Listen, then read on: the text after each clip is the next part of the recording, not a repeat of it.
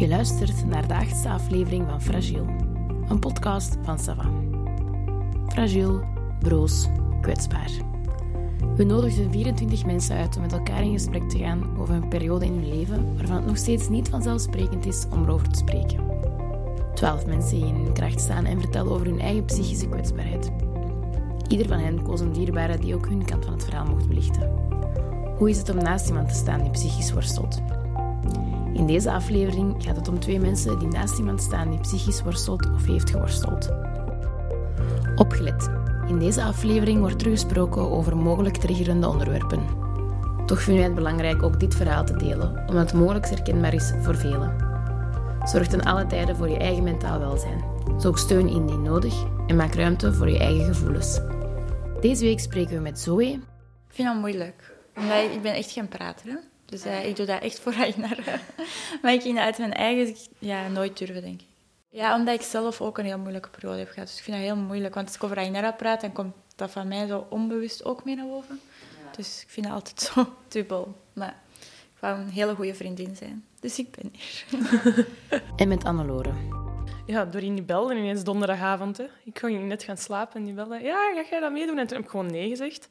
En dan nog erover geslapen en met een vriend gebeld en zo ja, zou ik dat niet toch doen? Dat is misschien ook wel goed voor u. Want ja, gewoon elke keer als er een datum eraan komt, dat is ook, ja. Ik wist ook een aantal minuten niet wat dat er met Doreen was. Hè. Dus dat is voor mij ook een trauma, is misschien een groot woord, maar ja. Ik, ik moet ook wel bijzeggen, Doreen en ik, wij spreken daar bijna nooit over. Hè. Dus ik vind het ook wel spannend om dan ook ja, van haar iets te horen, eigenlijk, of zo te zeggen. Annelore, de zus van Doreen, blikt terug op het moment dat ze te horen krijgt dat er een aanslag gepleegd is op de luchthaven van Zaventem. Nieuws dat bij iedereen haar binnenkwam, maar zeker voor Annelore, want zij wist dat haar zus daar was. Ja, dat is gewoon zo. In 2016, ook heel je omgeving wist, Doreen die was daar.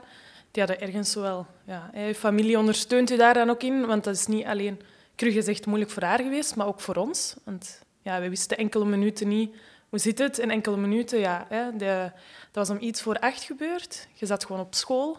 Dus daar hadden sommige mensen dat al gehoord. De bel gaat, je staat in de rij. Dan horen dat eigenlijk ja, nog eens. Je gaat dan ja, beginnen kijken op Hagelin en zo. Ja, dat was een app die op mijn gsm stond. En dan ehm, ja, kwam pas na 20, 30 minuten een telefoontje van mijn papa. Alles is oké met Doreen. Maar dan weet je nog niks. Die was daar met school. Hoe raakt hij thuis? En dan zo ergens in mijn kop gaat hij gewoon terug naar Italië.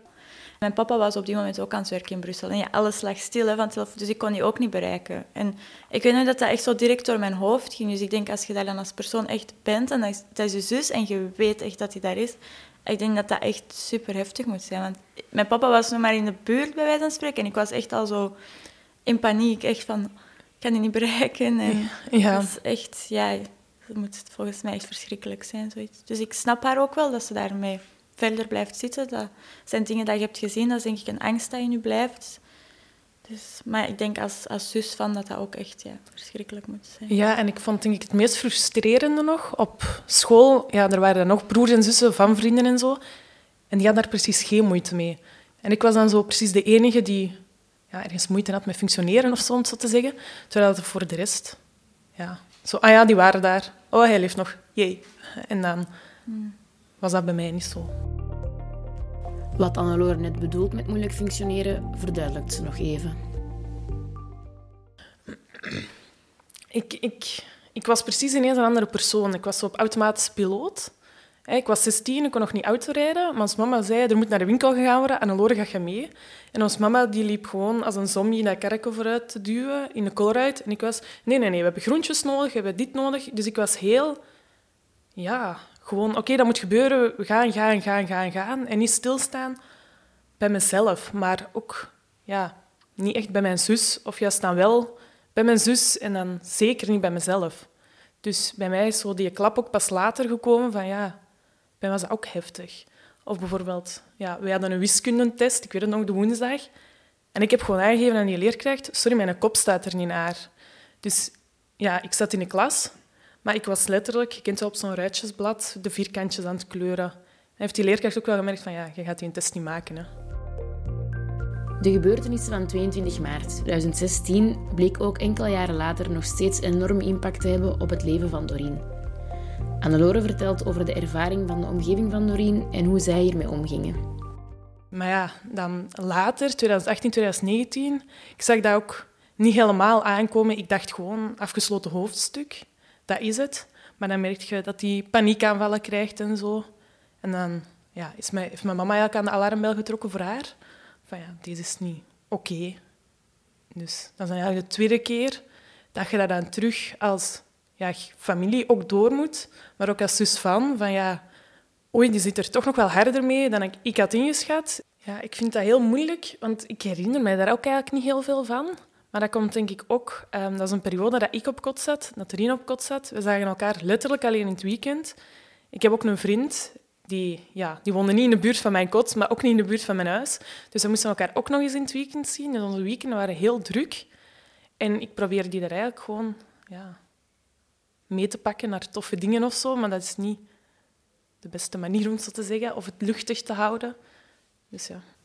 Um, ja, als hij inderdaad moeilijk heeft, dan probeer ik dat ook wel. Om maar zo mee buiten te nemen of, of leuke dingen mee gaan doen. Maar bij Inara werkt dat dan weer soms zo andersom. Dat, dat, dat, is meer een persoon dat je beter zelf kunt laten doen. En ja, ik, ik laat haar eigenlijk meestal doen. Ook al wil ik zelf, heb ik zoiets van, ga mee naar buiten. Of, maar ik denk dat, dat ja, bij haar zou dat niet zo echt de juiste aanpak zijn, denk ik. Maar ik kan nu wel snappen dat je zo bij je zus iets hebt van, kom, ga mee met mij, dat je niet alleen bent. Ik denk dat iedereen wil dat een persoon dat het moeilijk heeft gewoon niet alleen is. Denk ik wel. Ja, ik weet ook nog goed, bijvoorbeeld de eerste keer naar de cinema gaan. Dat was voor haar ook een hele stap. Want daar is terug een kleine donkere ruimte. Je weet dat je niet buiten kunt. En je zegt dat ze daar iemand zich opblaast, ze gaan allemaal dood. Of de eerste keer zijn we ook terug samen gaan vliegen van op Zaventem. Dat was 2017. Dus dat was eigenlijk al, ja, je zeggen, snel. Maar voor ons was dat heel snel, want wij vlogen eigenlijk niet frequent of zo. Dus dat weet ik ook nog goed. Dat was echt met wenen, wenen, wenen. Maar eens dat je die, die aankomst, nee, de vertrekhallen buiten waart, dan viel dat eigenlijk zo wel zo... het is gelukt. We gaan gewoon samen naar Frankrijk. Maar ja, toen waren er aanslagen in Nice, toen wij daar ook waren. Dus dat was dan ook weer... Ik dacht vooral, oh shit, ik heb daar niet bij stilgestaan. Ik, ja, ik wist wel, oh ja, we gaan vanaf Zaventem vliegen zal wel oké zijn. Maar ik had er niet bij stilgestaan dat dat nog zo'n groot probleem ging zijn voor haar. En ik was dan heel blij dat mijn mama er ook was, want mijn mama, ja, ik wil zo niet zeggen, is meer gevoelig dan ik, maar ik kan daar zo beter mee omgaan. Dus ja, bijvoorbeeld een knuffel geven, voor mij is naar mijn zus toe iets dat ik niet vaak doe. Of ja, ik kan me zelfs niet herinneren dat ik dat al ooit heb gedaan. Maar vooral daar had hij toen heel veel nood aan. En dat heeft hij dan gekregen van mijn mama. Maar ik weet dat wel, als mijn mama daar niet was geweest, dat ik dat wel had gedaan. Maar dat dan puur voor haar, niet voor mij, want ik vind dat niet fijn. dus. Zoe en Annelore stonden beiden naast iemand die ze graag wilden ondersteunen. Dat was duidelijk. Maar het bleek voor hen niet altijd even evident om in deze positie te staan. Maar ik ben, ja, ik ben zelf een persoon, ik heb het heel moeilijk om mijn emoties te laten zien. Ik kan ook niemand troosten. Als er iemand aan het wenen is, ik, ik weet niet wat ik moet doen. Dus ik, ik had daar met Ainara ook altijd heel veel moeilijkheden mee om zo... Hoe moet ik, hoe moet ik je troosten? Hoe moet ik met je omgaan? Um, maar ik heb dat wel altijd geprobeerd. En wij kunnen er voor elkaar zijn zonder woorden. Dat, dat is misschien heel raar, maar wij hoeven elkaar niet elke dag te zien om er voor elkaar te zijn. Of wij hoeven niet elkaar vast te pakken om er voor elkaar te zijn. Zij kan soms gewoon naar mij thuis komen en bij mij in de zetel zitten wij zetten iets op op tv en we praten bijvoorbeeld een hele avond niet tegen elkaar, maar we zijn er wel voor elkaar aan het zijn. Dus ik denk dat dat zoiets speciaals is aan onze vriendschap. Nee, ik, ik, ik begrijp dat wel. Ik herken mezelf daar ook in, want ik ben ook geen praten, en zeker niet over gevoelens. En ook ja, iemand die weent bij mij, dan stuur ik die liever door om het heel cru te zeggen. Maar ja, die persoon naast u kent u ook, hè? Je gaat daar maar bij wenen. Dus ik... ja, ik heb, ja, ik heb daar ook echt super moeilijk mee. Zo en heb dan ook het gevoel dat je, ja, niet, om je af te breken of zo, maar dat je er ergens zo... Of ik heb dat toch dat gevoel dat ik er niet hard genoeg voor haar ben, omdat ze, dat je ze precies niet kunt helpen. Ja, soms heb je zo dat gevoel van, ben ik nu echt een slechte vriendin? Zo? Of um, als ik net dan in opname zat, ik ben daar één keer geweest, denk ik. En dan denk ik, ben ik dan een slechte vriendin? Maar ik vind het gewoon heel moeilijk om daar te zijn. En daardoor ben ik denk ik geen slechte vriendin. Maar ik denk dat je ook heel hard je grenzen moet stellen. Dat je, je kunt er voor iemand anders zijn, maar je moet er ook nog voor jezelf zijn. En het is niet de bedoeling dat ik haar omhoog trek en mezelf naar beneden trek. En dat begrijpt zij ook wel. Dus dat is wel mooi dat we elkaar daar wel in begrijpen. Wij maken wel echt goede ruzies met woorden en zo. En dan is dat even met de deuren slaan. En dan ja, is dat spijtig. We hebben zo thuis een schuifdeur. Dus daar kun je niet meer mee slaan. Maar vroeger was dat een echte deur en dan kon daarmee slaan. En dan ging zo het glas trillen. Ehm, maar dus zo'n slaande ruzies hadden wij dan. En dan wist ik van, ah, Timmy, dat komt omdat ik ja, hier iets slecht heb over gezegd. Of, dat zijn soms ook ja, dingen als Dorina wel een serieus gesprek wilt en dat ik dat dan eigenlijk ja, afbreek of afkap door dan het luchtig proberen te houden. En dat je dan gewoon merkt van, oh shit, dat had ik niet moeten doen. Of ja, soms dat mijn ouders dat dan zeggen van, oh, Annelore, daar zeg je weer. Dus dat zijn ook, ja... Vooral eigenlijk reacties door haar dat ik dan wist van, hm, dat was niet zo slim. Ja, ik voel me dan ook wel niet goed, hè. Want, allee, dan heb je eigenlijk haar in type getrokken, maar je trekt je eigen daar ook in mee. Want ja, ik leg dan heel hard de schuld bij mezelf. Van ja, dat is mijn schuld dat Turin zich nu kust voelt. En dat is dan door mij. En ja, ik ben een opkropper. Ik, ik zeg niet vaak dingen hoe dat ik me voel of zo. Ja, ik herken me echt helemaal in u. Want ik ben ook geen prater. En ik ben van mijn eigen sowieso al heel onzeker. Ik ga altijd denken dat iets mijn fout is. Als iemand mij twee dagen niet belt, dan denk ik, oh, ik heb iets fout gedaan. Dus ik denk dat ik mij daar wel echt in herken. Dat ik altijd zo het gevoel heb van, heb ik iets fout gedaan? Wat heb ik fout gedaan? Um, hoe gaat het nu met haar? Zo, dat wel. En ergens zit er ook zo in mijn hoofd van, ja, als ik het ontwijk, dan is het er ook niet. Dus, of als ik het niet zie, dan is het niet echt. Maar wel op een bepaalde hoogte. Hè. Allee, sommige dingen zijn er wel. Hè. Maar dan kunnen die zo meer negeren. Het kwam al eerder ter sprake dat Doreen haar ware emoties niet graag aan de buitenwereld toont. Annelore probeerde onder woorden te brengen hoe zij zich hier als zus bij voelt. Ja, ik vind dat heel herkenbaar, want ik zit ook zo in elkaar. Van ja, je laten je sterk zien aan de buitenkant, maar eigenlijk heb je gewoon een klein hartje langs de binnenkant. Ja, je bent ook maar mens, net zoals jij en ik. We zijn allemaal mensen en we zijn kwetsbaar. En de buitenwereld mag dat ook weten, maar ik snap Doreen heel goed dat hij dat niet graag doet. En ik vind dat zelf ook frustrerend, want soms is hij het zonnetje in huis en dan hoor je later van iemand anders of van haar eigen dat het eigenlijk heel slecht gaat. En dat je dan zoiets hebt van, oh, weer iets gemist. Ik sta niet in haar gezinssituatie, dus ik kan wel veel over haar zeggen, maar ik denk dat ik nooit ga weten wat in haar thuis is of dag in dag uit is. Zoals dat jij met je zus hebt.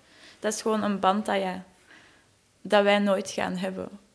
Ehm, maar ik herken dat wel. Ja, dat zo...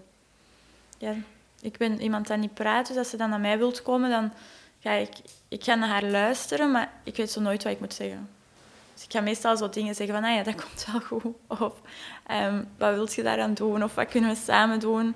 En ja, ik denk dat ik daar soms misschien fout op reageer, omdat ik gewoon niet weet hoe ik moet reageren. Of, ja, dat, en maar gewoon al het feit dat je dat durft te vragen, wat kan ik voor u doen, dat vind ik al heel sterk. Ja. En dat is iets dat ik bijvoorbeeld nooit met mensen doe. Van, wat kan ik voor u doen? Ja, ik ga bijvoorbeeld zelfs ook als surprise donuts kopen. Ik weet dat hij daarvan gelukkig wordt. Ik weet dat ik daarvan gelukkig word. Maar ik heb dat niet gevraagd van, ja, wat heb jij nodig na dit gesprek? Dus...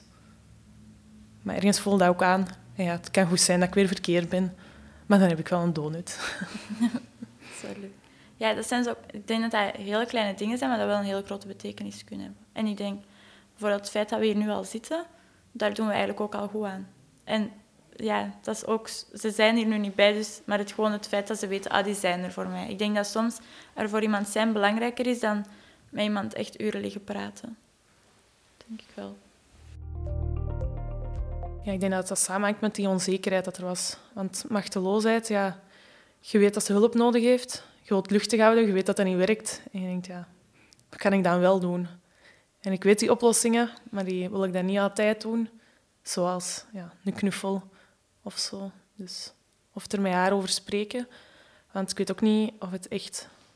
Ja, zij is die er niet met mij over wil spreken, of dat ik het ben die niet met haar wil spreken. Het is zo gewoon een beetje een stil zwijgen soms tussen ons. Bij Ainara en Doreen werden allebei een diagnose toegekend. Annelore en Zoe getuigen over het effect van deze diagnoses op hun ervaring. Ja, kom aan, die, heeft, allee, die is gediagnosticeerd geweest met PTSS. Dus je weet van ja, je, je minimaliseert zelfs dit, nu op deze moment. Van ja, ik heb niks te vertellen en dan plaatst ze zich ten opzichte van iemand anders, die dan misschien een zwaarder verhaal of zo heeft. Maar dat is wel iets dat jij hebt meegemaakt, dat maakt tot de persoon wie dat jij nu zei. En bij ons merkte het ook gewoon heel hard. Je hebt een periode voor 2016, dat wij keihard pubers waren, dat wij ja, echt haatliefde hadden voor elkaar. Maar je hebt ook gewoon een periode van daarna, dat je volwassen wordt. En ja, dat heeft dat proces denk ik ook wel versneld. Van, dat je weet van, oh shit, ik was eigenlijk bijna kwijt en ik zit hier elke dag op haar kap en ruzies te maken. Maar eigenlijk zou ik die wel missen als die er niet meer zou zijn. Want dat zit dan ja, in die minuten dat je niet wist wat er met haar was en of ze oké was. Ja, is hij tien keer gestorven, heeft hij vijf keer haar benen verloren. Allee, die, die, die kon het niet gewoon overleven, om zo te zeggen. Maar terwijl het eigenlijk gewoon echt ja, littekens heeft, in, ja, mentaal aangezien. Hè.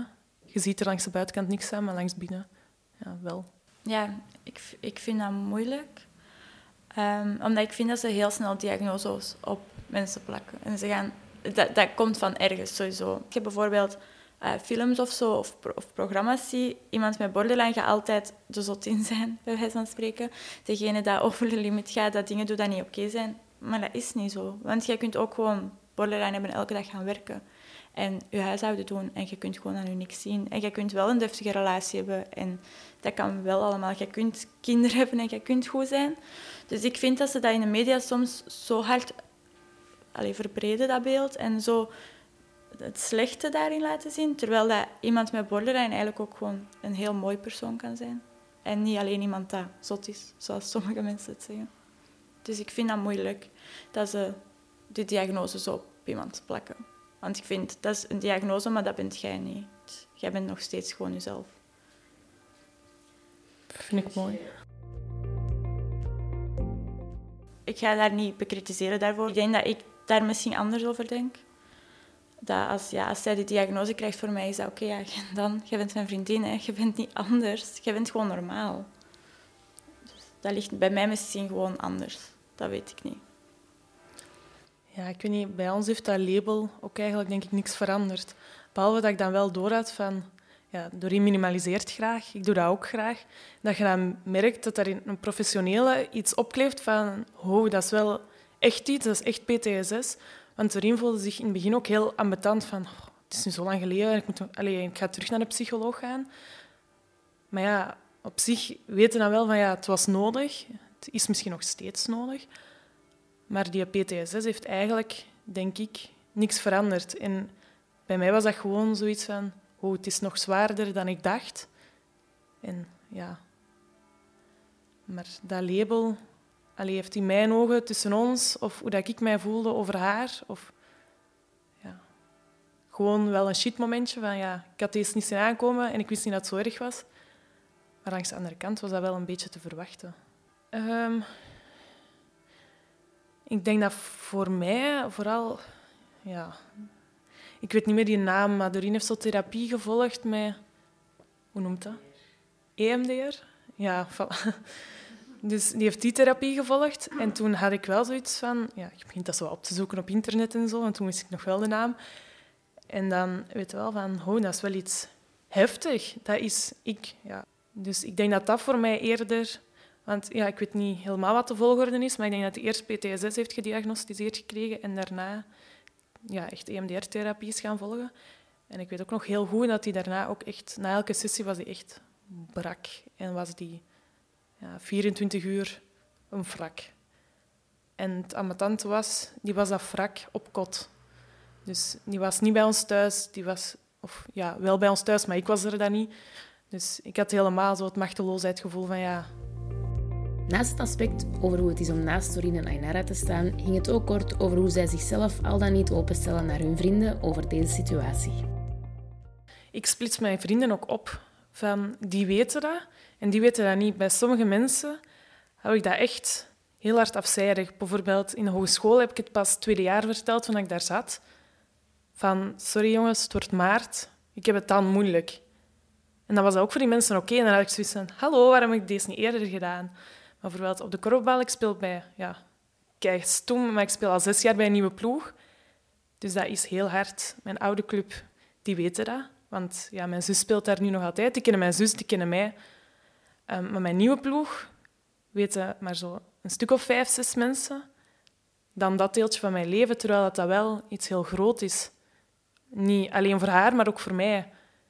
En ja, misschien zullen wel meer mensen dat weten, want ja, dat is een ploegsport. gebabbeld met elkaar, gebabbeld over elkaar. Um, ik wil zo vooral geen aansteller zijn, want ergens denk ik van ja, ik heb deze nu meegemaakt, maar jij hebt iets anders meegemaakt en ik weet dat ook niet. Of ja, ik minimaliseer dat dan weer voor mezelf. Dus. Ja, dat ken ik. ik heb dat ook heel erg. Ik heb vorig jaar stage gelopen op mijn werkplek. En ik heb daar toen heel hard over getwijfeld van, ja, moet ik daar iets over vertellen op mijn stageplek of niet? Ik moest die dag ook stage doen. En puur gewoon al het feit dat ik het vroeg aan mijn vriend, moet ik het vertellen of niet? Hij zei dan, ja, als je daar nu al mee zit, zeg dat dan gewoon. Hè? Als je dan een beetje kut voelt, dat je gewoon naar buiten kunt gaan. Vorig jaar was dat vijf jaar geleden, dus er was best veel te doen op de radio erover en zo. En dan ben ik op een gegeven moment gewoon rechtgestaan en die radio gaan uitzetten. En dan wisten mijn collega's ook van, ah ja, het is 22 maart. Of bijvoorbeeld nu, dat is heel stom, maar ik ga mijn agenda proberen vol te plannen op het werk met leuke vergaderingen. Want je hebt soms zo'n vergaderingen dat je weet van, nee, die zijn niet leuk. Dus ik ga proberen die met leuke vergaderingen vol te plannen. Ik weet nog niet of ik dan training heb of niet, maar ik weet sowieso wel, als ik geen training heb, ik ga lopen, ik moet daar van weg. Ik ga waarschijnlijk die een dagje een tv kijken. Zoe en Annelore gaven beide aan zich vaak machteloos gevoeld te hebben in de situatie. Het gevoel hebben niet te weten wat doen. Tot slot werd hen gevraagd welk advies ze zichzelf zouden geven mochten ze terug in de tijd kunnen gaan. Ja, gewoon eens gaan checken bij Doreen. Of gewoon al, ja, die zit toch s'avonds nog Facebook te scrollen. Gewoon een messengerberichtje. En gewoon vragen van, ja, ça va? En dan is dat ja of nee. Maar dan weet ook, dan is hij nog wakker. En ja, kunnen er gaan bijliggen, om het zo te zeggen. Bij mij gaat het heel tegenstrijdig zijn. Ergens dan zou ik zeggen, ik moet mijn eigen grenzen opstellen en niet bewaken. En langs de andere kant zou ik zeggen, ik moet dat berichtje s'avonds wel sturen naar Doreen. Dus dat is gewoon kei tegenstrijdig. Ja, ik denk dat dat bij mij ongeveer hetzelfde is. Dat ik, zo... ik denk dat ik vooral zelf meer moet praten. Ik luister altijd naar iedereen, maar ik praat zelf niet. En ja, ik denk dat ik misschien een beetje meer aan mezelf moet denken soms, wat misschien grof lijkt. Maar dat ik, dat ik er voor andere mensen mag zijn, maar dat ik het ook moet toelaten dat andere mensen er voor mij willen zijn. Ik denk dat dat iets heel belangrijk is, dat ik moet meenemen. Heb je na het horen van deze podcast nood aan een gesprek? Dan kan je steeds terecht op het gratis nummer 106 van Teleonthaal. De zelfmoordlijn op het nummer 1813. En weet dat je ook bij je huisarts of in crisissituaties bij de spoeddienst terecht kan. Zorg voor jezelf, blijf erover praten. Deze podcast van Sava werd mede mogelijk gemaakt door de financiële ondersteuning van Young Lions Lier.